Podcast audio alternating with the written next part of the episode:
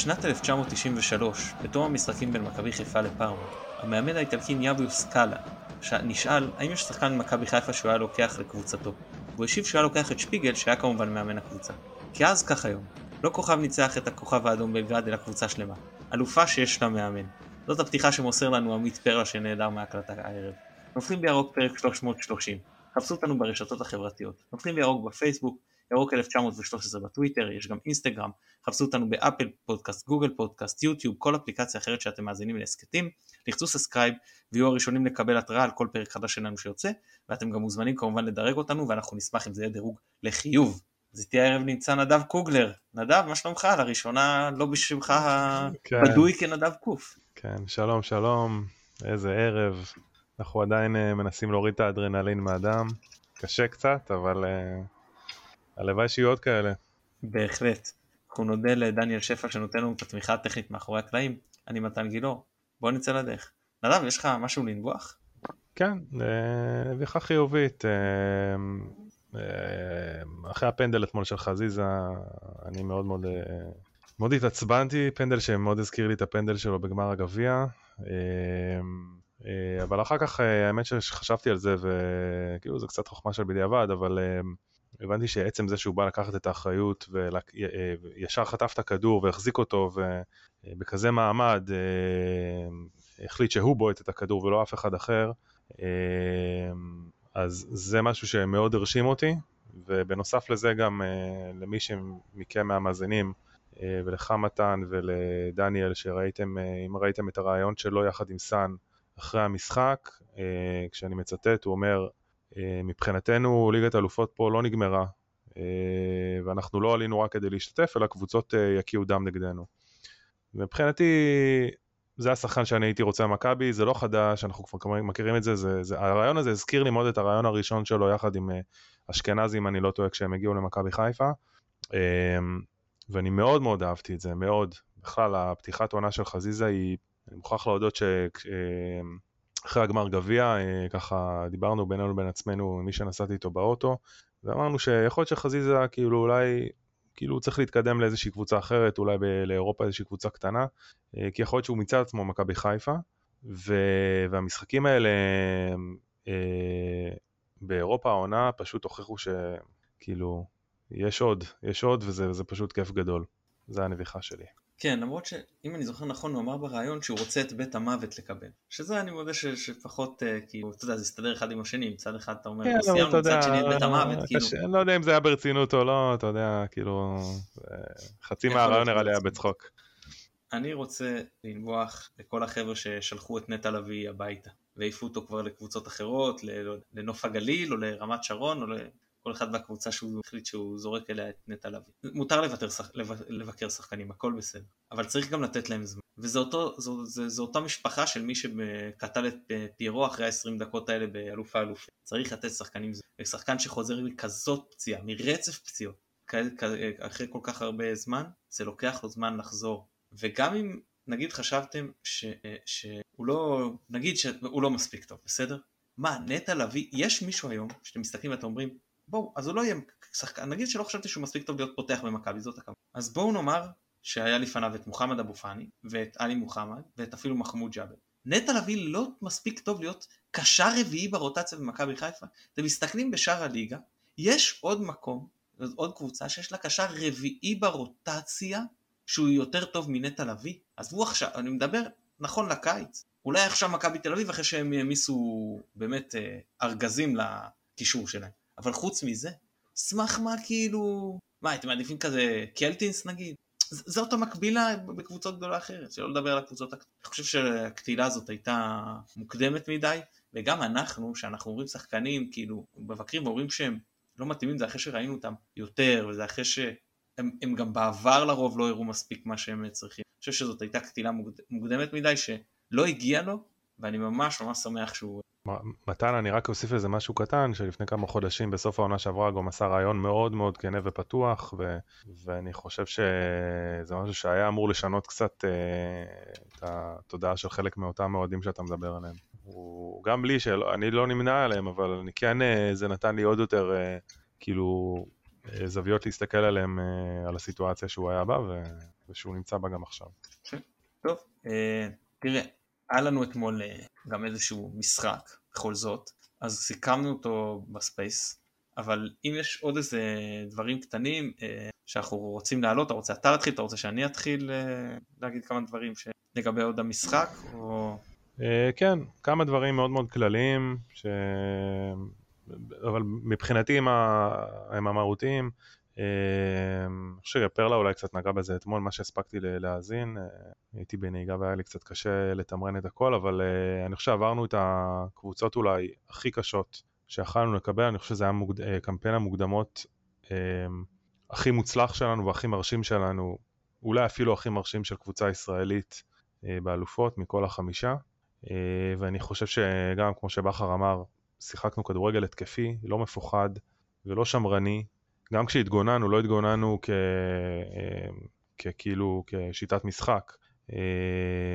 פשוט שיחקנו את הכדורגל שלנו, הפקענו ממוצע 2.3 שערים אה, במשחק, הראינו אופי וחזרנו מפיגור, ואני חושב ש... שזה משהו שמאפיין את אה, מכבי עוד מתחילת אה, בניית השושלת הזו עם מרקו, שגם שם התחיל להיכנס העניין של האופי, החזרה מפיגור, לדעת לגמור יריבות ומשחקים בצורה מאוד מאוד מהירה ולא לוותר על המשחק. אני זוכר שאחד הדברים שהוא חזר, מרקו, ברעיונות איתו זה לא לוותר אף פעם על המשחק, ו... ואני חושב שמגיעה לו מילה טובה על זה. כאילו, מרקו, גם לא בעיניי יש איזשהו, איזשהו חלק בדבר הזה, אה, אבל מעבר להכל זה ברק בכר.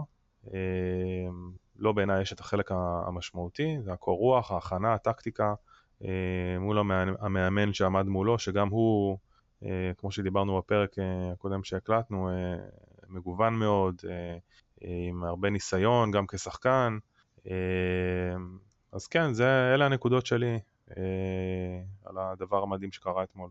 כן, לא באמת, תראה, ברק בכר אמר היום שבאנו במחצית הראשונה ולא שיחקנו את הכדורגל שלנו, וזה היה נראה כמו שזה נראה, וכשבא, וזה הגיע לנו כי לא שיחקנו את הכדורגל שלנו, וכשבאנו במחצית השנייה להחזיק בכדור, מה זה להחזיק? 63 אחוזי החזקת כדור בבלגרד כאילו בהצטלות שלהם, זה, זה מדהים. אז אתה זוכר, אז, אז שיחקנו עם המספרים ודיברנו על כמה הם מפסידים או לא מפסידים כשהם מחזיקים יותר או פחות בכדור, ולא, בממוצע הם היו אפילו בהפסדים האלה מעל, אם אני זוכר נכון, מעל 37 אחוז. נכון שפה זה לא היה כל המשחק, נכון. רק מחצית, אבל זה היה פשוט הפגנת אה, דומיננטיות.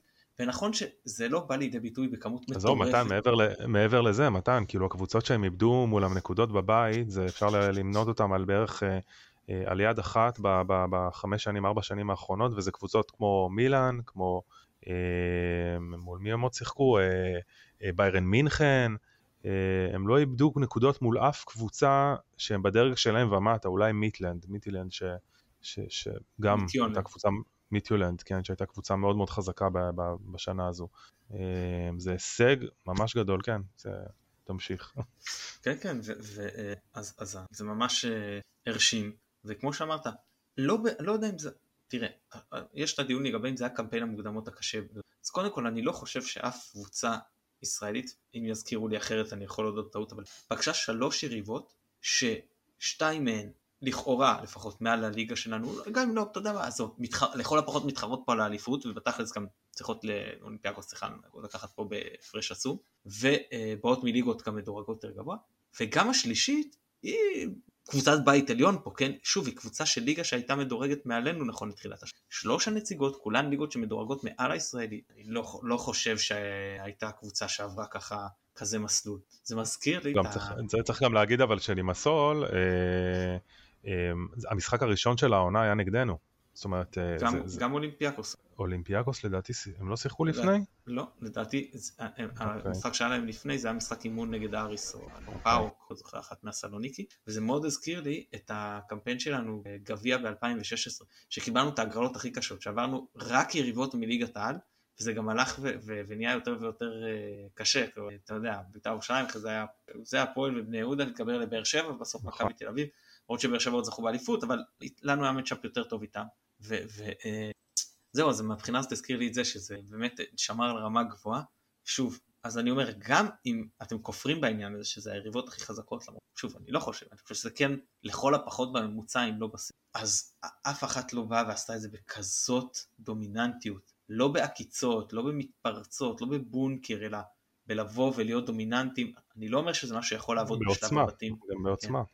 אני לא אומר שאנחנו נבוא עכשיו ליתחד ונחזיק בכדור, אתה יודע, 60 אחוז ונדחוק אותם לשער. זה לא ריאלי, צריך, אבל וקבוצות כן. כשהן לא רק ברמה שלנו, אלא דרג מעלינו אפילו אפשר להגיד באירופה, לבוא ולעשות להם את זה ככה, זה באמת אה, ממש, אתה יודע, היה, היה כיף לראות, היה שאתה לא רואה את הקבוצה שלך עם, אה, כאילו כולנו היינו על דופק גבוה ונרגשים, אבל זה לא כמו, אתה יודע, הדפיקות לב האלה שלוחצים, כמו שהיו בדקות האחרונות, שלוחצים עליך ועוד כדור ועוד כדור, זה לא, להפך, זה דפיקות לב של יאללה תשימו כבר, כי, כי, כי מגיע לנו, כי אנחנו... אני גם חושב, זה... מתן, ש... שגם מה שמרשים פה זה בעצם הגרף התקדמות פה, כאילו בארבע, חמש או ארבע שנים האחרונות, כאילו, זה לא שבנו קבוצה בעונה אחת, ואחרי שנה הגענו לצ'מפיונס, והיה פה ממש כאילו תהליך בנייה מאוד מדורג. וההישגים באים כאילו עקב בצד אגודל, ו... אה, ואני חושב שאולי בגלל זה אה, אנחנו מעריכים אולי את ההישג אה, קצת יותר מהרגיל, כי...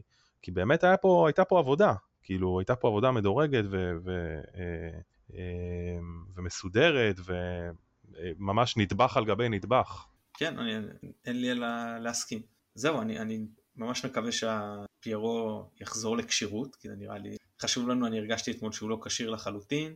למרות זאת, שוב, הנכות שלו מאוד מאוד מורגשת. שוב, היא מפנה שחקנים אחרים, זהו, אני חושב שממש גם נגענו במרבית העניינים המקצועיים. אה, אתה פרסמת היום, זה דווקא חשוב, על נטע לביא, על הדריבל שלו. נכון? אתה פרסמת היום בטוויטר. שבע משבע ו... כן, שבע משבע, כל המשחק, אה, רובם, חמישה מהם מעבר בחצי של היריבה. אה, כן, כאילו מבלי להעמיד חלילה מה, מה, מהדבר הזה, הקישור של הכוכב האדום, אה, זה באמת, דיברנו על זה, כאילו זה אחד מה, מהעקב אכילס שלהם, ואני חושב במחצית השנייה ראו את זה מאוד יפה, ו... ובעיניי זה נתון מדהים, כאילו זה נטע במלוא תפארתו, מה שהזכיר מאוד את המשחקי השיא שלו ב, אה, לפני, אה, לפני שנה וחצי בערך. כן, וגם עלי, הוא דריבל לסטוב דרך האמצע, ולבוא מול קבוצה כזאת, ואמר לנו העיתונאי הסרבי שהקלטנו איתו, שאולי, הוא אמר שכוכב האדום אולי כן תפתח עם שחקים, שבליגה היא משחקת רק עם שני קשרים מרכזיים כנגד מכבי, יכול להיות שהיא תבוא ותשחק עם קשה אחורי. והם פתחו, בחרו לא לשחק, לפתוח עם קשה, וזה עלה להם, בוא, אל תפתח מולנו עם קשה אחורי, בשמחה. אז כמו שאמרתי אז, אם יש לך את יובנטוס, שאתה יכול לשים את אז, את פיאניץ' וחדירה, אז אתה יכול לפתוח בלי אחורי קלאסי, גם עם קבוצות יותר טובות ממכבי. אבל אם אין לך משהו כזה, יאללה תן לנו, כי הקשרים שלנו יודעים לחתוך את האמצע וזה רק נותן לנו עוד מצבים. ודווקא השערים שלנו, שהם כאילו, זה איפשהו זה משקר. כי עכשיו כולם אומרים זה מזליקי, ושני השערים הם באמת, הם מזליקים, בסדר? אבל, אבל הם בצדק, מה, אבל כאילו בוא. אבל בדיוק הם היו... אם זה לא היה מגיע שם, זה היה מגיע בדרך אחרת. אני, לא כאילו... לא, אני לא יודע לגבי הראשון, כי, כי, כי, כי הוא היה נגד קצת הכיוון של המשחק, למרות שבאותן דקות... בסדר, אבל אם אתה הולך ל... אתה יודע, סירי, ותשאל אותה, סירי, מה, מה זה הגדרה ל... לצדק, אז, אה, אז אה, היו, היו מקרינים, סירה הייתה מקרינה את המשחק הזה אני חושב. כן, כן, זה לא ש... שוב, שלא עשינו כלום, ואז מאיזה בעיטה חופשית לא קשורה לכלום הרמנו כדור והם הכניסו שער עצמי, זה ממש לא. זה היה ברצף של התקפות טובות, שאנחנו משחקים טוב, וכמו שאמרתי אתמול, אני הרגשתי שהערכה טובה לנו, כי אני חשבתי שהם הרבה יותר עייפים, אותו לחץ שגבה מאיתנו במשחק הראשון, גבה מהם במשחק השני, הלחץ העמוק, ועייף אותם לקראת הסוף. ולנו במשחק הראשון זה הביא שער, ולהם זה הביא הפעם אפילו שני שערים, אבל זה לא הספיק. לשמחתנו, ואמרתי שהערכה בסדר, טוב לי, אנחנו, אני ממש האמנתי שאנחנו יכולים לנצח וגם היה לנו עוד אה, יותר חילופים ולרענן במקרה הצורך, אה, שזה גם השאיר אותי טיפה יותר אופטימי לקראת הערכה. אני שמח כמובן שלא היינו צריכים, אבל אני באמת חושב שאם היינו הולכים להערכה אז אנחנו היינו שם הפייבוריטים. אני מאוד חששתי מהערכה בהיבט של הפנדלים, זה... אה כן, פנדלים זה משהו אחר, זה... לא רציתי להגיע לפנדלים, זה לא כן. אותו דבר. אה, אבל לא, אני חושב שאתה צודק, זאת אומרת, גם אני, חושב באיזשהו מקום, אה, בכר כאילו, אולי היה כבר די חיכה לזה, כי באמת אולי בגלל זה החילוף היחיד, הוא שמר את רוב החילופים באמת להערכה, זאת אומרת, הוא ממש נערך לזה, כאילו, אני מאמין גם שהוא נערך לזה מראש, לא, זה לא שהוא החליט באותו רגע, כאילו שהוא מכניס רק זה, אז... רק רמי גרשון מה שנקרא מקרה ותגובות, כן. רמי גרשון על שירי, אני כן חושב שזאת הייתה החלטה של רגע. הייתה החלטה של יש קרן עכשיו. נכון. לכאורה נכון. בסוף כבר נגמר הזמן של תוספת הזמן, נכון שאחר כך היו עוד שלוש וחצי דקות, הוא לא ידע את זה. זה הייתה החלטה של הימור, כאילו. כן, ואני אכניס עכשיו את גרשון לקרן הזאת, כי הוא נותן לי בקרן הזאת יותר משירי. ואם לא, אז נכון. גם באותם רגעים הכוכב האדום ככה זרקו את הכדורים למעלה. אז אני אכניס שחקן, גם משלושת הבלמים שיש לי על ה... זה, הוא הכי חסון, עם אה, משחק ראש טוב, אתה יודע, בשלושה בלמים, יודע להעיף כדורים, כאילו כזה, זה, זה בדיוק המשחק שמתאים לרמי גרשון. תן לרמי גרשון כזה, וכאילו, פה, פה הוא אה, פורח, אתה יודע, יחסית, כאילו, אבל זה יותר מתאים לו. אה, אני לא יודע מה היה במקום אולי מכניס אותו, אבל זאת הייתה החלטה הגיונית. וגם כמובן החילוף של דין דוד ואצילי היה הגיוני, כי דין דוד פשוט לא היה טוב. ואצילי נותן לך לפחות כל מיני אספקטים אחרים. ובין היתר האספקט של הבעיטות החופשיות שאנחנו מדברים עליהם כל הזמן שגם כשהוא לא עושה כלום על המגרש לא, לא קורה הרבה אבל כשזה קורה אז תמיד יש לו את האספקט הזה של הגבהות כדור של הבעיטות החופשיות ושיוותר למרות שהוא אתה יודע מה לפעמים הוא גם כובש בבעיטות חופשיות למרות שבכל פעם שיש אפשרות לבעוט לשער הייתי נותן לשרי לפני אצילי קל כי מתן אה, חידה קטנה תגיד כמה יש לך אפרופו פיירו יש לך ניחושים כמה מאבקים הוא נכנס אתמול? אני לא סתם שואל אני, אני לא זה, אני, אני יכול סתם לזרוק מספר. בוא, בוא נעשה הפעלה, נו. 28. תן, תן מספר. 28. תעלה, תעלה. שוע, 35. תעלה. באמת? נו, באמת? 42. כמה דקות יש במחצית? 45 לפני תוספת זמן. תוסף, תוסיף תוספת זמן של דקה. 46 מאבקים, פיירו נכנס אתמול. זה, זה, זה מטורף, כאילו, זה פשוט מטורף. כאילו, בסדר, זה מספר, אבל המספר הזה בו לא, משקף, לא. כאילו... הוא ממוטט את הבלמים הוא... שנכנסים כזה פיל. כמו שאתה אומר, הוא מקריס את ההגנה הזה, אתה גם ראית את זה ב, ב, ב, כאילו בשידור, כמה הבלמים פשוט מתוסכל, כאילו, כבר טחנו את זה המון, אבל זה פשוט, זה, זה פשוט עושה את המשחק, כאילו, אה, זה פשוט עושה את המשחק. כן, והם עוד פירקו אותו, הם היו ממש ממש פיזיים. טוב, תשמע, אפשר לדבר הרבה על המשחק הזה, אבל אנחנו פה עם מגבלת זמן קצת שלך, ואני רוצה שנספיק כדי להרחיב לגבי נתניה, אז ברשותך בוא נעבור קצת לדבר על נתניה. אז אה, בוא לפני שנתייחס למצ'אפ מול מכבי, נתייחס לנתניה כנתניה וקצת על השינויים שהם עשו בקיץ. אז בואו נתחיל עם עמדת השוער. אני לא יודע מה היה שם עם, אה, אז איתמר ניצן החליף את אה, דני עמוס, אני לא כל כך יודע האמת מה היה שם עם דני עמוס, כי אני חשבתי שהוא סך הכל נותן להם מענה מקצועי, אני לא חושב שאיתמר ניצן יותר טוב ממנו, גם לא יותר גרוע, הם פחות או יותר באותה רמה. הרגשתי, הוא היה קפטן, נכון אם אני לא טועה, הוא היה מחובר למועדון כאילו לקהל, לא, לא יודע מה היה שם כאילו שפתאום, אני חושב שזה בא ממנו אם אני לא טועה, והוא עוד, לא, לא, הוא הלך למכבי פתח תקווה, הוא הלך לשחק בליגה שנייה, אז זה היה נראה לי ממש תמוה כל העניין, יש לך איזה תזה? דווקא אני, אני פה חולק עליך, אני חושב שאיתמר ניצן שוער יותר טוב מדני עמוס. אה, שניהם כמובן שוערים ניסיון בליגה ואולי השוערים הכי מנוסים בליגה היום אבל אה, אני חושב שמשחק, ה... לדני עמוס יש בירטוזים, כאילו בואו לפחות פעם במשחק או אה, פעם אחת בשני משחקים הוא עושה איזושהי טעות שהיא פשוט מזעזעת. למאזינים אולי היותר צעירים אז בירטוז מהמילה ברטז, שוער העבר של מנצ'סטר יונייטד שהיה שוער שנודע בזה שאחד המאפיינים שלו היה שהוא היה פשוט, פשוט עושה שטויות, יוצא עם הכדור מרחק מאוד גדול מהשאר, ואז, ואז מבין איפה הוא נמצא ופשוט עושה טעות, אה, ולעיתים גם חוטף על זה גול. אבל מי שלא מכיר שהוא באמת היה אחד השוערים הטובים בעולם. נכון, והוא היה באמת גם שוער טוב, מעבר לזה. אה, אז, אז אני חושב שדווקא בעמדה הזאת כן הם עשו שדרוג. איתמר ניצן, אני חושב, כשראיתי אותו בית"ר, הוא, הוא כן, אה, עם כל הבעיות שלהם שהיו בהגנה, הוא כן נתן איזשהו ביטחון. הוא שוער די טוב, שוער ישראלי די טוב. אמ, אני באמת לא מכיר את המטריה בתוך מכבי נתניה ומה היה שם ובאמת יכול להיות שכאילו שום, היו שם עניינים שהם לא מקצועיים אבל שורה תחתונה אני חושב שהם כן שדרגו את העמדה. אוקיי okay, נמשיך לעמדת המגן הימני. אז פה הם נשארו עם אה, כרם ג'אבר ושי קוסטנטין מה שאנחנו כמובן מכירים. במשחק הראשון שיחק כרם ג'אבר ו, ושנה שעברה דווקא הוא העדף יחסית. שי קונסטנטין אני, אני ארחיב ברשותך אני אגיד למה אני חושב שכרם ג'אבר פתח במשחק הראשון אני חושב שפשוט משום שנתניה ניתן בגדול הם שיחקו 4-3-3 כשלא סימטרי כי תומאסי משחק על הקו וזלטנוביץ' שיחק בימין וכל הזמן נכנס לאמצע. כאילו נקודת המוצא שלו הייתה בימין עמדת המוצא אבל בתכלס הוא היה כמו חלוץ שני וכל הזמן פינה לכרם ג'אבר את הקו. ואני אה, חושב שכרם ג'אבר יותר, אה, אה, גם מבחינת היכולות הפיזיות שלו, יותר מתאים למלא שחקן שמכסה קו שלם מאשר שי קוסטנטין. זאת לפחות אחת הסיבות שהיה הגיוני אה, לבחור בו, וזה הוכיח את עצמו, אני חושב שהוא היה, חוץ, אחרי זלטנוביץ' הוא היה מספר אחד על הדשא, הוא ממש היה טוב. עוד משהו שאתה רוצה להוסיף לגבי המגנים? לא, פה אני דווקא מסכים איתך, אני חושב שכרם ג'אבר, גם צפינו בו במשחק ביום, ביום שבת נגד בית"ר, מין סימנים כאלה של שדרוג, באמת, כאילו זה קצת קשה אולי על משחק ראשון כאילו להגיד את זה, אבל לי, לי יש איזושהי תחושה שכן הוא יעשה שם עונה עוד יותר טובה. וכן, אני חושב שגם טקטית, כאילו מה שאתה ציינת זה באמת נכון, כאילו באמת נראה שזלטנוביץ' מאוד אוהב את הכניסות האלה, גם אחד השערים בא ממין כניסה כזו, דריבל כזה מה, מהאגף לתוך ה, למרכז, אה, ואז באמת כאילו המערך משלים את עצמו כי ג'אבר נכנס, אה, אה, עולה מה שנקרא יותר גבוה, ו, והמערך משתנה כאילו, מסתובב כדי לאזן את עצמו, כן. כן, אז טוב, אני אעביר אליך אז לגבי. לגבי אגב, רק לגבי שאן קונסטנטין, אני כן יצא לי קצת לראות את המשחק שלהם בגביע הטוטו נגד מכבי תל אביב, ויש לו, באמת בפן ההתקפי הוא באמת באמת לא רע, בפן ההגנתי הוא... הוא לא, לא חזק במיוחד באחד על אחד, ו, ויש שם, כאילו, יש שם קצת מיסמצ'ים uh, uh, שאפשר לחשוב עליהם אם, אם, הוא באמת, אם הוא ישחק. כן, זה, זה מה שאמרנו, אתה לא יכול להשאיר אותו לתפוס קו לבד. אני לא מדבר על, שהמאזינים יבינו, אני לא מדבר על מצב של קו 5. אני מדבר על מצב של קו 4 שאתה משאיר מגן לבד. כזה מצב המגן חייב להיות מסוגל להתמודד נכון. באחד על אחד הגנתית. אתה לא יכול, נכון. ל, כי אתה בעצם מפקיר אותו במידה מסוימת.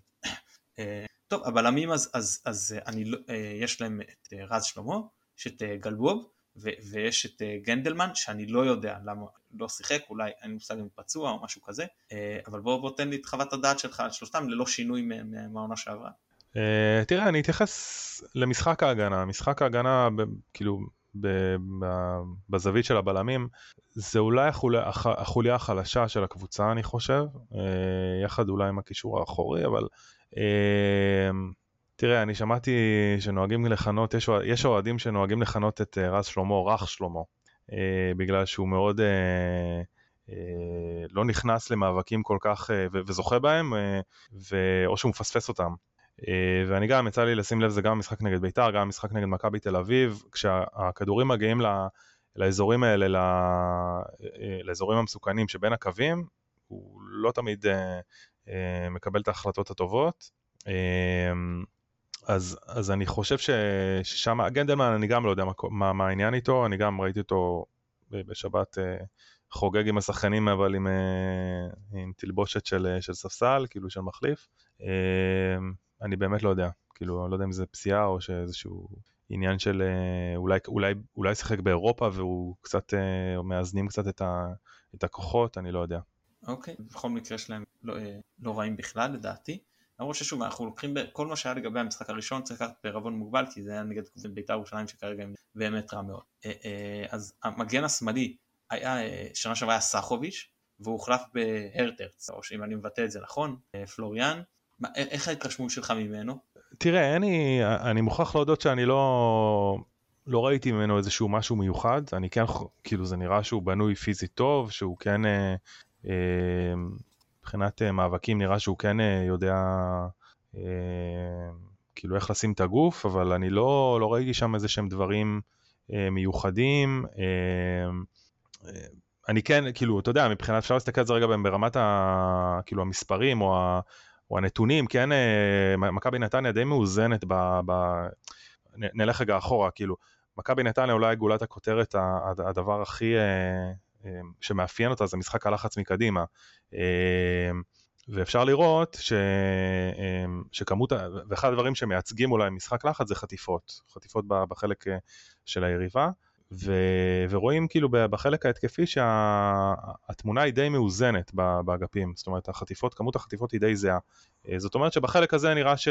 והוא לדעתי שיחק את רוב המשחקים העונה, המעטים ש... שהיו לנתניה, אמ, אז אני מניח שבפן הזה כאילו כן אה, נותן את התפוקה. מעבר לזה אני באמת, אה, ממה שראיתי, לא ראיתי איזשהו משהו מיוחד, אבל אה, העונה רק התחילה.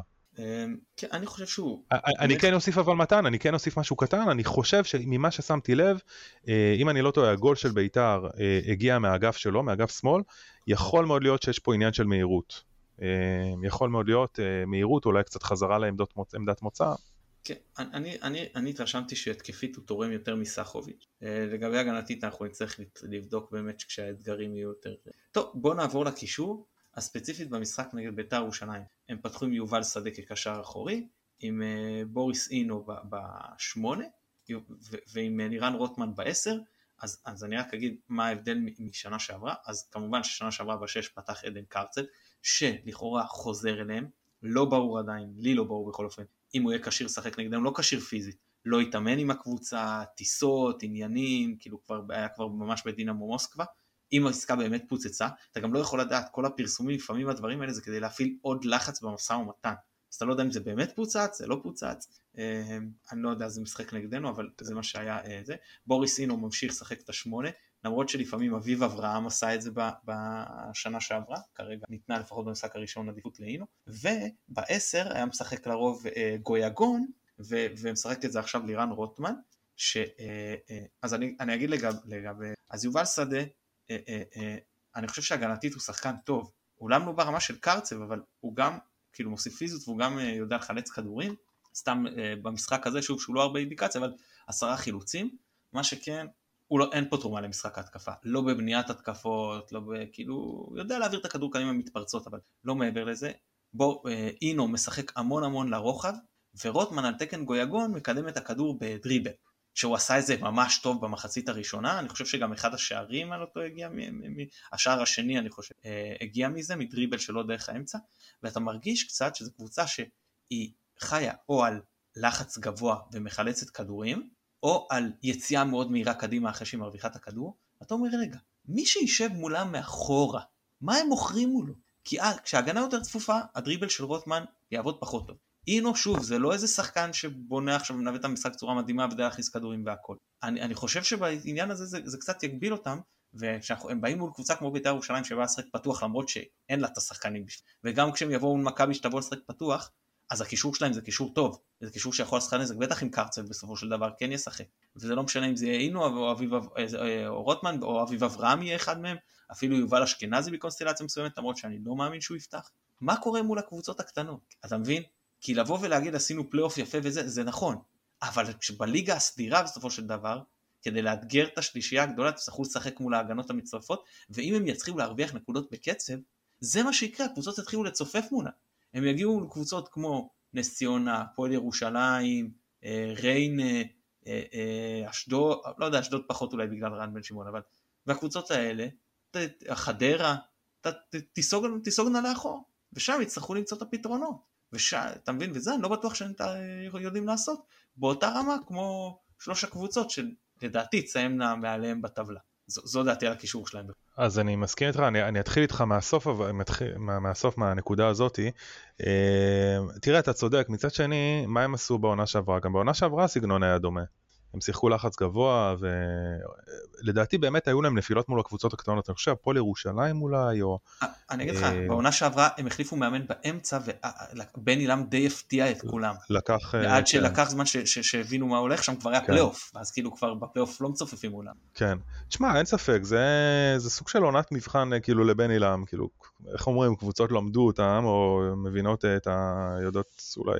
יותר טוב איך להתמודד עם הסגנון משחק. אני כן יכול להגיד לך באמת, אני, אני, אני אוהד כאילו מכבי חיפה, אבל אני חושב לאוהד הניטרלי מאוד כיף לראות את מכבי נתניה. הכי כיף בליגה. באמת, זה, כן, זה קבוצה מאוד מאוד דינמית, מאוד, באמת, כאילו, לא מפסיקה לעבוד על המגרש התקפית, התקפית, כאילו, הפוך, היא עוברת הגנתית, אבל הגנתית התקפית, זאת אומרת, היא מגנה אה, גבוה. ו...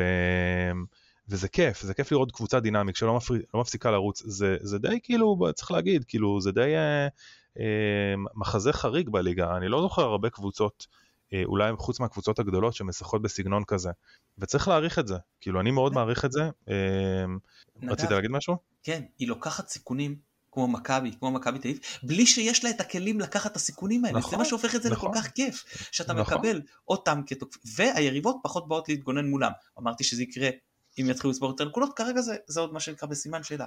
אז אתה מקבל נכון. קבוצה שבאה לשחק כמו מכבי או מכבי תל אביב, שהיא יותר חשופה בגלל שיש לה פחות כלים, והיריבה שלה גם מעזה יותר, אז בטח שאתה תקבל את המשחקים הכי כיפים בליגה. כיף לראות את מכבי נתניה, ולא רק את הקבוצה הזאת, אלא את המשחקים שהיא משחקת לרבות היריבה, גם המשחק, נגד בית"ר ירושלים. בית"ר ירושלים, עם כל נכון. המוגבלות שלה, הגיעה למצבים, בעיקר במחצית הראשונה, מעבר לשער, לא עוד איזה שניים שלושה מצבים קורצים. נכון, אז, נכון, אז, עם הכלים המוגבלים שלה. אמ, נכון, אני כאילו, אה, אין לי, לא נותר לי להסכים. אה, תראה, אתה לא דיברת אולי על הנקודה המרכזית, אני חושב, קודם כל לגבי קרצב, אני קראתי היום ש, שיש מצב שהוא אפילו יהיה בסגל, אה, ומצד שני קראתי, קראתי גם איפשהו איזשהו ציטוט ש, שיכול להיות שקצת חוששים, כי, יש שם איזשהו עניין שהוא יתאמן איתם, ו, וכאילו לא רוצים... לקחת סיכון אה, חוקתי או משהו כזה, יש שם איזשהו עניין... אולי בביטוח או משהו משפטי. כן, לפני. משהו כזה. אמ, אז זה דבר ראשון. דבר שני שרציתי להגיד לך, שלא דיברנו על הדבר המרכזי אולי, שזה תומאסי. תומאסי... לא, זה בהתקפה, אה, בסדר, זה חזיתי... אז, יאללה, תעביר לא, אותנו להתקפה. בואו תעביר אותנו לשלישייה. אמ, אז, תראה, כאילו, בעיניי זה חשוב, כי תומאסי, אה, בוא, בוא נגיד ככה, מה, מה נתניה מפסידה בעקבות ההיעדרות שלו, או לפחות העונה מהמעט משחקים, הוא, הוא מייצר את הכי הרבה מצבים בקבוצה, אה, הוא בעט הכי הרבה לשער העונה, אה, והוא מלך הדריבלים של הקבוצה ברמת הניסיונות. העונה אתה מדבר כן. בעונה שעברה? לא, לא, אני מדבר על העונה, על המשחקים הבודדים ששיחקו העונה. אה, כאילו כולל אירופה, כולל... כולל הכל, כולל אוקיי, הכל. אוקיי. כולל איזה ארבעה משחקים, משהו כזה, חמישה משחקים. כן. והוא מלך הדריבלים של הקבוצה מבחינת ניסיונות לפחות. אם אני לא טועה זה די תואם כאילו פחות או יותר מה שהיה בעונה שעברה מבחינתו. ואני חושב שזה משמעותי בסוף, כאילו, כי זה, זה אולי השחקן המרכזי שלהם אה, בהתקפה. אה, אם זה ישנה את הסגנון, ברור שזה לא ישנה את הסגנון וייכנס מישהו אחר במקומו, ואגב זה גם משהו שהוא מאוד מרשים, שהקבוצה לא תשנה את הסגנון שלה בגלל שהכוכב המרכזי אה, לא כשיר. אה, אז, אז, אבל אני כן חושב שזה כאילו ישפיע, יכול להשפיע עליה לרעה. אה, ו, וברמה התקפית, אה, אני חושב שגם אתה, כאילו כשהתקדמנו בשבת, אתה נגעת בזה בצורה מאוד מאוד כאילו מדויקת ו, אה, ויפה בעיניי, העניין של זלטנוביץ', ש, ש, שבאמת הכניסות שלו לאמצע, בוא נגיד התחכום הזה של הטריק הזה של, של בן עילם הוא, הוא מאוד יפה. אה, אני מרים לך להנחתה, זה שלך. זה בעצם ההבדל בין קשר בצד לחלוץ בצד. תומאס ישחק קשר וזלטנוביץ' ישחק חלוץ. וזלטנוביץ' כל הזמן עזב לא רק עם הכדור, אתה ציינת פעם אחת שהוא עשה את זה עם הכדור, עשה את זה המון בלי הכדור. והמגן באיזשהו שלב, כשהייתי בקורס טיס, אז uh, כשאתה מטיס מטוס עם מדריך, לא עוזבים את ההגה עד שאומרים לך שלך ואתה אומר שלי. או בהגנה אזורית בכדורסל, כל הזמן מדברים. כי הרגשת שההגנה של בית"ר ירושלים לא דיברו אחד עם השני, לא אמרו שלך ועד שגרצקי נגיד לא אומר שלך לבלם נגיד ש, ש, שהיה איתו, אה, אני לא זוכר מי היה זה, אז, אז אז לא עוזבים, וכאילו הוא עוזב, מבחינתו הוא כבר העביר את האחריות, המגן עוד לא קיבל, הבלם עוד לא קיבל את האחריות, ואז הם עוד היו עם שלושה בלמים. אצלנו כשאנחנו משחקים עם קו ארבע, הדיבור הזה בין המגן השמאלי, אני לא רוצה להגיד פר קורנו כי זה יכול להיות גם סן מנחם, ואני לא רוצה להגיד שול גולדברג כי זה יכול להיות גם אה, לצורך העניין גם אה, גרשון או דן, אנחנו לא יכולים לדעת את זה. כבי אנחנו ניגע בזה בהמשך. יצטרכו לדבר ביניהם, אם, אם נתניה העלו באותו רעיון, הם כל הזמן יהיו חייבים לדבר אחד עם השני על איפה נמצא זלטנוביץ' כי הוא פשוט רצח נכון, הוא, הוא, הוא, הוא, עובר, הוא, הוא מדרבל בדיוק באזור הזה של בין הבלם למגן, נכון? זה האזור הבעייתי תמיד. כן. אה, ואני אני, אני גם אוסיף ואני אומר, מתן, ש, שבהנחה ואנחנו מקווים שכרם ג'אבר לא ישחק, אז יש פה, פה, יש פה השפעה לדעתי די משמעותית על, אה, על זלטנוביץ', כי כרם ג'אבר משלים אותו, כמו שאמרנו מקודם, ושי קונסטנטין הוא מגן מאוד התקפי. אז יכול להיות שאם שי קונסטנטין ישחק, אז אולי זלטנוביץ' כן ישחק יותר באמצע, ואז הדריבלים האלה לא יהיו מהצד. ככה לא, אני רואה את זה לפחות. תראה, בקו ממש הוא לא שחקן של קו ממש, אז זה כאילו, שם הוא לא ממש יכול לשחק, אז כן, אולי הם ישנו מערך ל-4 או 2 או לא יודע מה. תראה, אני מניח שבמקום תומאסי ישחק ערך ברקו. אה, אני, אם אני לא טועה, הוא משחק בקו ימין, הפעם הוא יצטרך לכאורה לשחק בשמאל, או שזלטנוביץ' יעבור שמאלה, וברקו ישחק בימין, אנחנו לא יודעים, זה, זה גם אפשרויות שיש לבן עילם שיכול להפתיע מהבחינה הזאת, והחלוץ שפתח, גיל יצחק, אה, תראה, לאור הפציעה גם של, של תומאסי, אני מניח, מאמין שגיל יצחק אה, ימשיך לפתוח, זה לא שהוא יכניס את זלטנוביץ' לאמצע, כי כאילו חסר שחקן, נגיד היית אומר, שים את אביב אברהם במקום אינו, ואז ישחק עם תומאסי, ברקו וזלטנוביץ'. אבל עכשיו לנוכח הפציעה של תומאסי זה לא רלוונטי, אז אני מניח שגיל יצחק ימשיך לשחק באמצע, וגיל יצחק מרחב המחיה שלו זה ברחבה, ורק שם הוא מסוכן. וזה חשוב, כי בית"ר ירושלים לא הבינו שרק שם הוא מסוכן. כי הוא בא אחורה לקבל כדורים ארוכים ולשחק את הקיר. והשאלה היא אם אתה אומר, יכול להיות שאני אפסיד עליו כמה כדורים שהוא יצליח להשתלט עליהם, ו- ו- ומצד שני אני מוציא עליו שחקן וזה יוצר בור. ואז אני אומר, פה מכבי צריכה להחליט מתי לעשות את זה. כשאתה עושה לחץ גבוה, את הפרסים שלנו, אין לך ברירה, אתה חייב לצאת איתו כי אתה יוצא עם כל חלוץ, כי אתה לא יכול שישברו לך את הלחץ, אתה לא יכול לתת לשחקן לעמוד לב. אבל כשאתה מוריד קצת הרגל מהגז וזה קורה באיזשהו שלב במשחק, לדעתי זה היה פשוט, זה מיותר לצאת איתו עד לשם, אתה סתם יוצר בור שהוא לא נותן לך כלום. זה לא מפחיד אותי, אם בלאו הכי אתה לא לוחץ, שהוא יקבל את הכדור על החצי מכדור ארוך מניצן. לא, לא כזה נורא. הנזק פה הוא לא איזה נזק אדיר. סתם להבין את האבסורד, זה אור זהבי קיבל את הצהוב עליו בחצי של נתניה. מה איזה סיכון עושה לך גיל יצחק? מה הוא ייתן פה איזה מסירת מופת? הוא יסתובב ויתחיל בדהרה לכיוון השער? הוא, הוא פתאום ינווט את המשחק לאחד, מה הוא יעשה? הוא יחכה עד שיבוא אליו קשר וייתן לו את הכדור, נו, בסדר, שוין.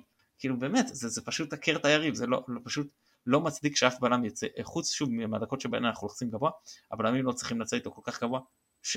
בכדורסל איזה שחקן הייתי אומר זה הסנטר שילך החוצה ויעמוד ויכדרר ויזרוק שלושות, אין לי בעיה, אני, אני לא פוחד ממנו שיעשה את הדברים האלה.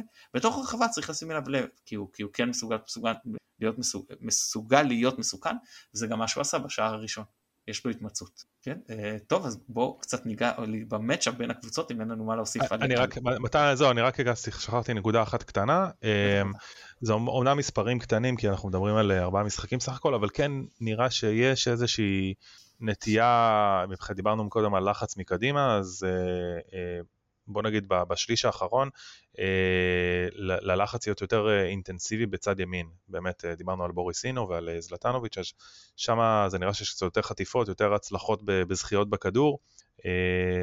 אז אולי זה המעבר, עכשיו יהיה המעבר שלנו גם למצ'אפים לא, בין הקבוצות. שחקן אחד עוד שצריך לציין, וזה מיכאל אוחנה, אבל מבחינתנו זה די תוצאה התייחסות כמו לירן רוטמן, זה השחקן שמוביל את הכדור בעזרת דריבל דרך האמצע, בעיקר מול קבוצות כמו מכבי שמאפשרות מרחבים. אז זה סתם מה שצריך לציין, כי הוא באמת עושה את זה טוב מאוד, אה, אוחנה. פשוט הוא לא כשיר. אני, אני אגב אגיד, לא ציינתי לגבי כאילו הקישור את רוטמן, ואני ראיתי אותו גם בבית"ר ירושלים אה, בשנה, שנתיים האחרונות, והוא די הרשים אותי, הוא שחקן לא רע בכלל. אה, ואני חושב כאילו, נראה, זה נראה, מרגיש לי כאילו שנתן איזה קבוצה שהיא, זה כמו כפפה ליד בשבילו. חד משמעית, מסכים איתך לגמרי. אה, כאילו דריבלים, שחקן די חכם, אה, ממושמע טקטית, אה, מאוד אהבתי, שחקן טוב. שחקן טוב עם, עם מסירה, יכולת ראיית משחק לא רעה בכלל. ראיית משחק זה דברים שאני מאוד אוהב, כנראה שומר אמונים לברקו, אבל מאוד, מאוד, מאוד אוהב לראות שחקנים כאלה. אה, אז כן, זה עוד הדבר שרציתי להוסיף לגבי הקישור בהתקפה. טוב, אז בואו נדבר על קצת מצ'אפים אה, מול אה, מכבי, ואולי נתחיל ב... מי, מי אתה היית פותח ומי אתה חושב אולי שברק בכר יפתח למרות שזו שאלה מאוד לא הוגנת לשאול לקראת משחק הזה מי אתה חושב שברק בכר יפתח כי זה, זה פליפ הקוין כאילו זה, זה פשוט לזרוק מטבע על כל עמדה ולנחש מי השחקן שיפתח שם. חוץ מזה, אתה יודע מה סליחה אני אגיד לך שניים אני אקל עליך שניים אני מוכן לשים את הכסף שתפתחו זה עומר אצילי ומוחמד אבו פאני כאילו קשה. הם אצלי. אין סיכוי שהם לא יצליחו. הלאה, כל השאר, תשעה שחקנים סימן שאלה. נכון, כאילו זה באמת קשה להיכנס לראש של בכר. אה, גם שוב, כאילו אני לפחות הולך עם הקונספציה הזו שבכר, בוא נגיד, אה, בהרבה משחקים אוהב אה, לשמור על הכוכבים שלו ולתת להם לשחק בכל מקרה. אני כאילו אשלח את זה אחר כך אתם תוכלו, אולי, אולי אה, דניאל ירצה להעלות את זה ב, אה, אחר כך ברשתות, אבל אה, אני, אני עולה באיזשהו הרכב קצת מוזר, אוקיי? הרכב די, אני עושה מבחינתי רוטציה, רוטציה די, די גדולה, אני עולה בשער עם ג'וש, ההסבר שלי לג'וש כי אני רוצה לשמור על משהו מההרכב הראשון של ההגנה. אני עולה עם ינון אליהו כמגן ימני, עם סונגרן כבלם. והסיבה שאני עולה עם סונגרן כי אני, הוא השחקן היחידי לדעתי כרגע לפחות שמאפשר לנו מעבר בין שיטות, אז הוא עולה כבלם, אה, אה, אני אתחיל ואומר שאני הייתי עולה במערך מוצא, הייתי עולה כ-352.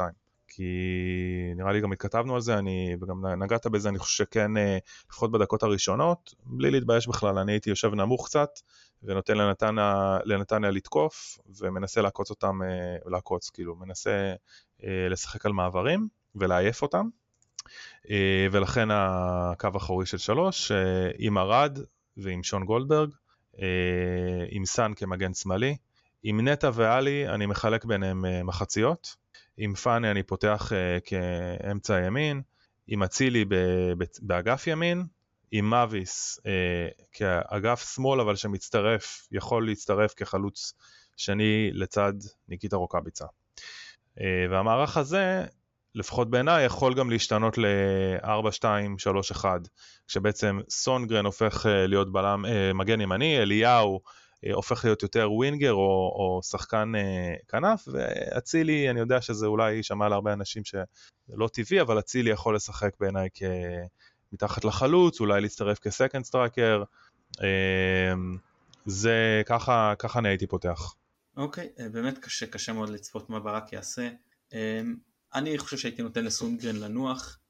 אני לא יודע אם שלושה בלמים, שכאילו גם עם גרשון, אה, יכול להיות שמאור לוי כי הם באים קישור אה, מובי ואולי נכון גם לפתוח איתו בוא נאמר שאם הם יעלו עם אה, קרצה וינו ורוטמן אז אני חושב שכן הייתי עולה עם מאור לוי אבו פאני וכמו שאמרת עלי נטע מחצית מחצית ואם, ואם הם, זה רק יובל שדה אז כמו שאמרתי האיום ההתקפי יורד משמעותית בעמדה הזו ואז אני חושב שכנראה כמוך הייתי מוותר על מאור לוי תראה יש בזה הרבה היגיון במה שאתה אומר כמובן אם יש לך שחקנים כמו צ'יבוטה ורוקאביצה ביחד, אתה תיתן להם אפשרות לרוץ לשטח, אז הם יכולים, הם קטלניים בדברים האלה, זה הדבר שהם בעצם אה, הכי, הם מרגישים בו הכי בנוח.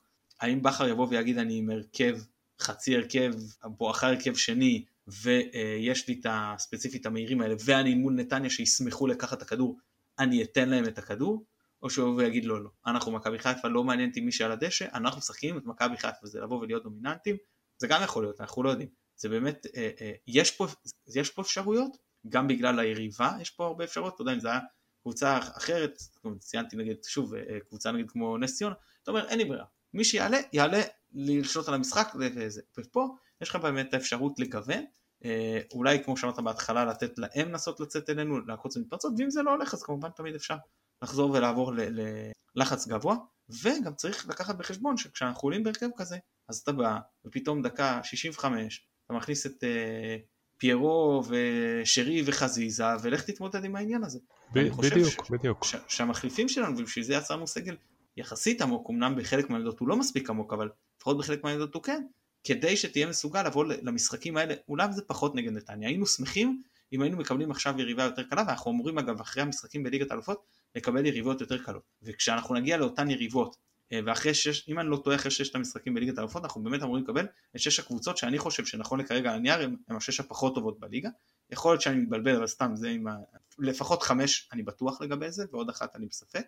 אה, ואז באמת תוכל לעלות מול היריבות האלה לקחת את ההימור לעלות בהרכב שני ולהכניס את השחקנים הכוכבים שלך חלק מהם לפחות ההתקפיים בשלב היותר מתקדם של המשחק. נגד נתניה זה יכול לעלות לנו גם בתלונות אבל אין מה לעשות. אתה פשוט לא יכול לגמור את השחקנים כל כך בטח אחרי האינטנסיביות שהם, שהיה להם בכזה טווח קצר כולל טיסה אה, הלוך השבוע וטיסה כן, חזור גם, גם מנטלית, יש פה עומס מנטלי ומנטלית חד כן. משמעית אני מסכים איתך. המחליפים ירצו להוכיח את עצמם הם יבואו בשבילם זה משחק חשוב הכוכב, השחקנים ששיחקו בבלגרד יבואו אחרי שהם עברו משחק אתה יודע עומס מנטלי לאורך כל המוקדמות ופתאום יש down. ואני בניגוד אליך רק אגיד שאני הייתי פותח עם אשפטי ולא עם ג'וש. אה, גם כי אני רוצה להכניס אותו לעניינים וגם כי אני, אני לא יודע מה קרה עם ג'וש שם פיזית ויכול להיות שעדיף לתת לכתף אה, אה, לנוח. והיתרון הוא, ויתרון או לא זה מה שיש, יש לנו עוד משחק ביום שלישי. אז כל מי שלא ישחק בשבת יוכל לשחק בשלישי זה לא שאתה אומר מישהו ינוח יותר מדי משהו כזה ובאמת אה, אה, אה, אפשר גם לעשות חצי הרכב חצי הרכב יכול להיות שזה מה שבכר יעשה בסופו של דבר עם חילופים שלה כאילו לעלות נגיד סתם אני אומר שישה שחקנים הרכב שני, חמישה שחקנים הרכב ראשון, ואת החמישה של הרכב הראשון, אלה עליהם אני מבזבז את החילופים שלי. במהלך המשחק, ומול סכנין חצי השני של ההרכב, יש לנו פה אפשרויות, אז בוא רק בקצרה, אם אתה עוד יש לך זמן, כן, כן, אפשר, אפשר להמשיך עוד אה, זה, אני רק, אני, אני רק אגיד בהתייחס לדברים שלך, כמה דברים. קודם כל, באמת יש פה את העומס המנטלי ואני חושב שאני בא בציפייה שעולים פה באמת הרבה שחקנים מחליפים שאני מצפה שהם, שהם הם, הם יוכיחו ש, שהם רוצים להיות בהרכב הראשון. אה, ובאמת אני, אני כאילו בא, בא עם ציפייה לראות מהם אה, יכולת, אה, זה דבר ראשון. דבר שני, סתם כאילו משחק כזה, לדעתי קלאסי ג'אבר היה פה אה, היה פה יכול לתת אה, באמת, אה, כאילו זה משחק שתפור עליו, בשביל המשחקים האלה הוא בסגל, בשביל המשחקים האלה הוא בסגל. חבל ממש. בדיוק. אה, ואני, וכאילו, אתה יודע, וזה מוביל אותי לשאלה, מה קורה עם ג'אבר ומה קורה עם רז מאיר? כאילו, אה, רז מאיר אולי בעצם היה אמור אה, להיות, אמרו שהוא יהיה כשיר רק ב-.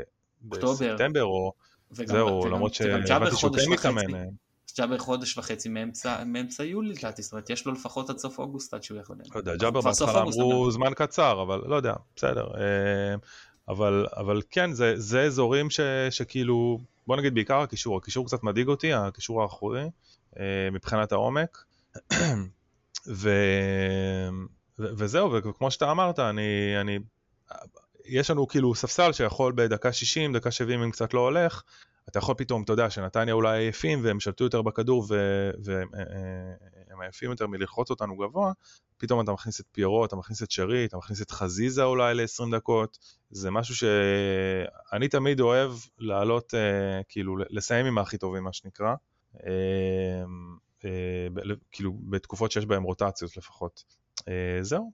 אוקיי, אז אולי רק לסיום לגבי מכבי נגד נתניה, קצת על איזשהו מצ'אפ בין הקבוצות, משהו שאתה חושב שהוא אולי אחד שמטריד אותך בצד אה, של, שכאילו אין תוך מולנו, ואחד שאתה שואב ממנו עידוד, שאתה חושב שפה יש לנו איזשהו מיסמץ' שאנחנו יכולים... כן, אני חושב ש... כמו שנגעתי בזה קצת בהתחלה, אני חושב שהנקודות התורפה של נתניה הם בעיקר בין, ה... בין, ה... בין קו הקישור לקו האחורי.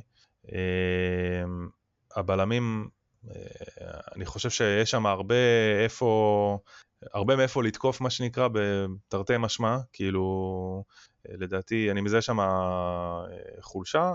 אני אגיד קצת איזושהי אנקדוטה, אני מרגיש שאיתמר ניצן תמיד תופס נגדנו משחקים טובים, אז אה, יש לי תחושה ש, שגם הפעם אולי הוא, אני מקווה שזה לא יקרה, כן, אבל אה, אה, שהוא ישמור על יכולת, אה, שיהיה ביכולת נמוכה.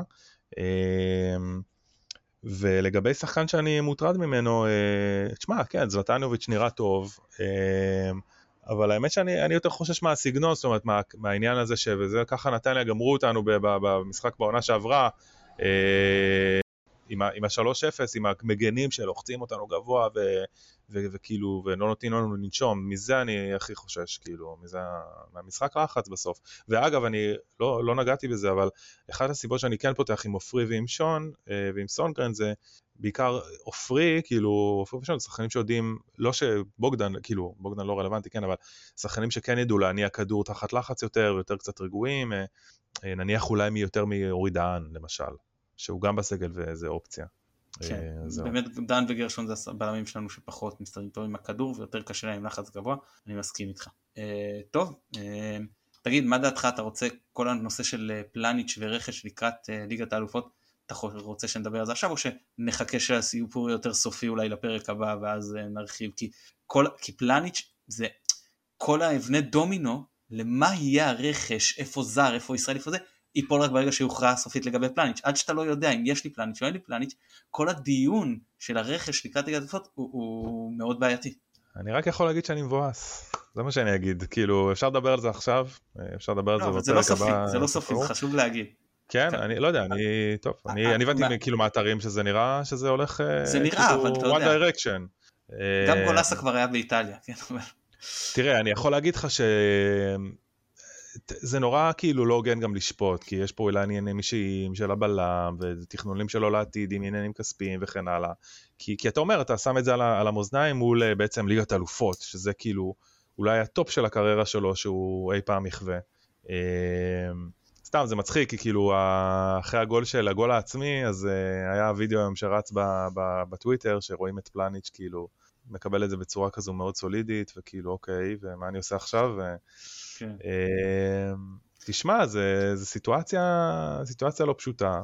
אני, אני יכול להגיד רק ש... אני שוב, אני חושב, אמרתי את זה בפרק קודם, אה, אה, בכר אה, באחד הראיונות אמר שבהפועל באר שבע, הוא סיפר על האליפויות, והוא אמר שהאליפות השלישית בהפועל באר שבע הייתה הכי... עם הרבה מכות איוב כאלה, ש- שההוא נפצע וזה, לדעתי ויטור שם נפצע להרבה זמן בעונה, ו- ועם כל הבלגן והבלת"מים שהיו להם, הם הצליחו לקחת אליפות בכל זאת. כן, ותום לא נפצע, יודע אני אם אפילו אני- זוכר, זוכר שאני אמרתי שלדעתי שחקן העונה היה צריך לקבל שכיס- טאה, שכיסה נכון. עליו. נכון, ונכון, אתה, אתה מחזיר אותי, זה, זה נכון. עכשיו, אני לא יודע אם ניקח אליפות, אם, אתה יודע, כן נצליח להתגבר במידה ופלניץ' באמת יעזוב, אבל אבל זה כן אה, נותן קצת עידוד, כאילו ש... שאפשר כאילו עדיין אה, לאלתר ולהצליח, ו... וזה קבוצה בסוף, כמו שלמי שראה באתר הרשמי את הוידאו, בסוף כאילו מדובר בקבוצה. מצד שני, יש פה גם יריבה ש... ששמה את כל הז'יטונים שלה לקחת אליפות. אז כן, כן גלשתי קצת, אבל כן. לא, לא, מאה אחוז. אני, אני אגיד לך משהו לגבי. מצד אחד אתה אומר, זה לא רק העניין של תהיה במעמד ושיא הקריירה המקצועית וזה, זה עניין של, אתה אומר לבן אדם, תאמין בעצמך. תחשוב כמה אתה יכול לקבל, אתה אומר כסף, כמה אתה מקבל על קמפיין טוב בליגת האלופות. מצד שני, אתה אומר, רגע, יש לו משפחה. לפעמים עדיף לך פי שלוש שכר אם יש לך עכשיו ביד, ופי עשר שיישאר על העץ. אז אתה לא תרוויח את הפיס, אבל אתה תדע שפי שלוש יש לך ביד כבר. אז קשה, קשה מאוד לשפוט אותו, ואני באמת לא שופט אותו, ואני מודה לו על מה שהוא נתן לנו, לפחות עד עכשיו, אני ממש מקווה שאיכשהו בסופו של דבר הוא כן יישאר. אה, טוב, אז... תראה, אפשר, אפשר, אפשר, אפשר להגיד ש... בוא נגיד, אה, אולי היסטורית, כאילו בכלל, גם מכבי חיפה בפרט וגם בליגת העל, בלמים שבאמת באמת היו טובים לא נשארו פה יותר משנה-שנתיים. אם זה נלך לקבוצות אחרות, ג'ייר המדור, אה, עכשיו אולי, אני מקווה, כן, אה, פלניץ' אולי כנראה עכשיו, אה, אה, אז אולי היחידי זה ויטור, שהוא גם, יש פה עניין של ההתאזרחות וזה. וגם הברך אה, שלו, שזה חלק מהעניין מאוד, נכון. חלק גדול מהעניין, שחקן שאם אחרת כן. הוא לא היה פה. כן, כן היו פעם שחקנים... נכון. שהיה בלם אדיר, אמ, אז... מורד מגמדוב נשאר פה הרבה זמן, אבל זה היה לפני תקופה אחרת. כן, מה? כן. אני חושב, אני ממש תפסתי ממנו, חשבתי שהוא אחד הבלמים. לא, אחלה שחקן, אני מסכים איתך, כן, זה פשוט, אתה יודע, עושה לי פלשבק לשנות ה-90. אה, אחלה שחקן. תרתיה גם וזה, כן, אבל... כן, נכון. לא, היו פה אה, בלמים ממש טובים, פולוקארו ופץ, נכון. ובאמת היו כאילו בלמים זרים, אני... אה, כן. כן, למרות שבלמים ישראלים גם שהיו טובים לא כל כך, פחות יצאו לחו"ל, כאילו טל בן חיים יצא וגם דקל גיחה קצרה, טל בן חיים הרבה, אבל שחקנים כמו בנאדו, גרשון, כאילו שהיו פה בלמים, אתה יודע, ברומר, שהיו בלמים ממש בטופ של הליגה, לא נפלו גם מהזרים ולא... אז תראה, אתה דיברת על בנאדו ואני כמעט לחצתי אנטר היום כששאלת את מה ההרכב הכי טוב לליגת האלופות וכשכתבת את בנאדו אמרתי רגע, אבל יכול להיות שטישרה יותר טוב מבנאדו לא? ואז אמרתי רגע, לא, לא, מה אתה מתכוון להגיד? טישרה יותר טוב מבנאדו? לא יכול להיות וזה. אמרתי, טוב, טוב, בוא, בוא נמחק את זה, כאילו... אמ, לא, זה לגיטימי אה, אגב, זה לגיטימי גם לשים את השיעה, זה לגיטימי. אה, נכון, אבל כאילו, אתה אומר, אה, בסוף בנאדו זה בנאדו עם כל הניסיון, עם כל החוכמת משחק. המנהיגות, המנהיגות, זה גם חלק, הוא המנהיג של ההגנה. כן, כן. זה גם חלק מהעניין שתשאירה לידו היה דקל שהיה מנהיג אז זה יותר מזה. כן. אבל תשמע בוא אני אגיד לך אני מאחל שכאילו שלא לא יהיה פרק הבא ונדבר על בוגדן פלניץ' אלא נדבר כאילו שהוא כבר ממשיך אה, ונזכה לראות אותו עוד עונה. כן, לפחות. אז החלטנו שאת הדיון הזה דוחים לפחות לפרק הבא. כן. עוד איזה טיזר שיהיה לכם מה להאזין אז אנחנו כבר נכין אתכם. שאנחנו כמובן, אה, הסיכום של נתניה והכנה לסכנין יוקלט ככל הנקרא ביום ראשון, בסקווה יופץ לכם אה, ביום שני, במקרה הכי גרוע יוקלט שני, יופץ בשלישי עוד לפני המשחק, הואיל ולא רבים ייסעו למשחק כרגע לפי מה שמפורסם יוקצו 500 כרטיסים למכבי, תוריד VIP, תוריד משפחות שחקנים, תוריד, תוריד, תוריד, נשארת עם 400 רק מנויי חוץ, לא יודע מה יש שם בדיוק. אז, אז לא תאזינו בדרך למשחק רובכם, אבל לפחות תוכלו, יהיה לכם מספיק זמן להאזין בבית, כי למשחק אתם לא תצטרכו אה, לנסוע. אז אה, זהו, נדב, המון המון תודה, תשמע, היה לי פשוט אה, היה לי מה זה כיף, באמת. פרק תענוג. אה. תענוג, תענוג. היה לי ממש כיף, ו... ותשמע, כאילו ש... שניפגש ונדבר רק. בשמחות, מה שנקרא, יצא לי פולני. אבל uh, סתם לא ברור שאנחנו גם uh, יהיו גם רגעים פחות טובים אבל זה כיף זה כיף uh, כאילו כל הציוצים כאילו וכל הפוסטים בפייסבוק על זה שכל הזמן הזכירו את אשקלון ו, ואחד האוהדים העלה גם תמונה מאשקלון ממש מאותו משחק כן מגיע לנו כאילו אני תמיד מסביר לאחיינים שלי ש, שזה להיות אוהד וגם כאילו אם עכשיו אנחנו מפסידים או משהו כזה אז עדיין ממשיכים להיות אוהדים זה לא זה כל המהות. אז uh, כן, שנזכה רק לרגעים כאלה. באותו משחק אני חושב שהגעתי כל כך הרבה זמן לפני שעוד חיכיתי שעה וחצי מחוץ לאצטדיון, זה היה מבחינתי, אני, אני אסלחו לי כולם, זה היה משחק חשוב היסטורית יותר מהרבה משחקים שנחשבים אצלנו כלא להפסיד את המשחק הזה שיכול לשנות. כן, מסכים איתך. לא אה, סתם כולם מזכירים אותו, כן. אנחנו נודה לדניאל שפע שנתן את התמיכה הטכנית מאחורי הקלעים. התודה. אני נתן גילאור, תודה רבה שהאזנתם, ביי ביי.